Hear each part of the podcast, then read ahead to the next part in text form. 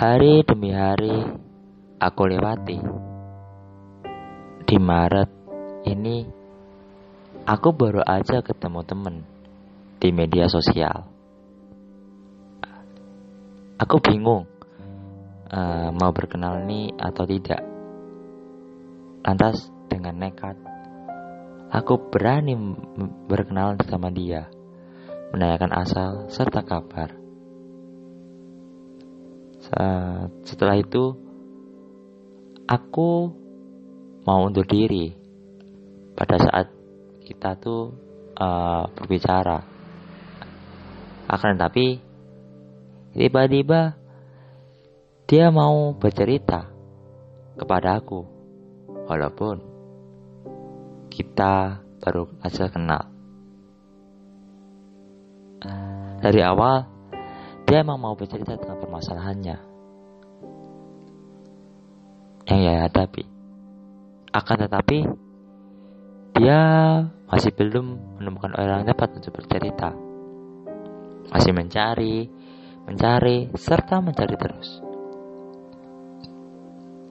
Setelah ketemu aku, dia ingin sekali bercerita tentang permasalahan yang ia hadapi. Awalnya ia bingung untuk mengawali cerita ini bagaimana. Lantas, uh, aku berinisiatif untuk menuntun dia, untuk membuat dia tuh bisa nyaman saat dia tuh uh, bercerita.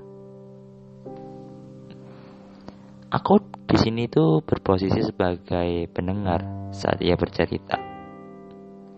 Aku mengikuti alurnya serta berusaha memahami apa yang ia rasakan kalau aku dalam posisi dia. Selepas itu, dia bertanya kepada aku, apakah itu wajar? Aku jawab, wajar kok dalam permasalahan kamu.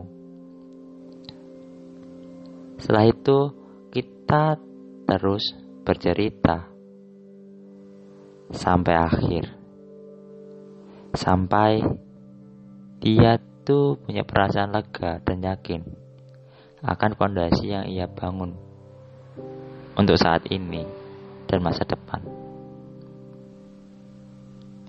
Dari cerita tersebut kita bisa bisa mengetahui memang dalam menghadapi hidup ini tuh kita emang perlu bercerita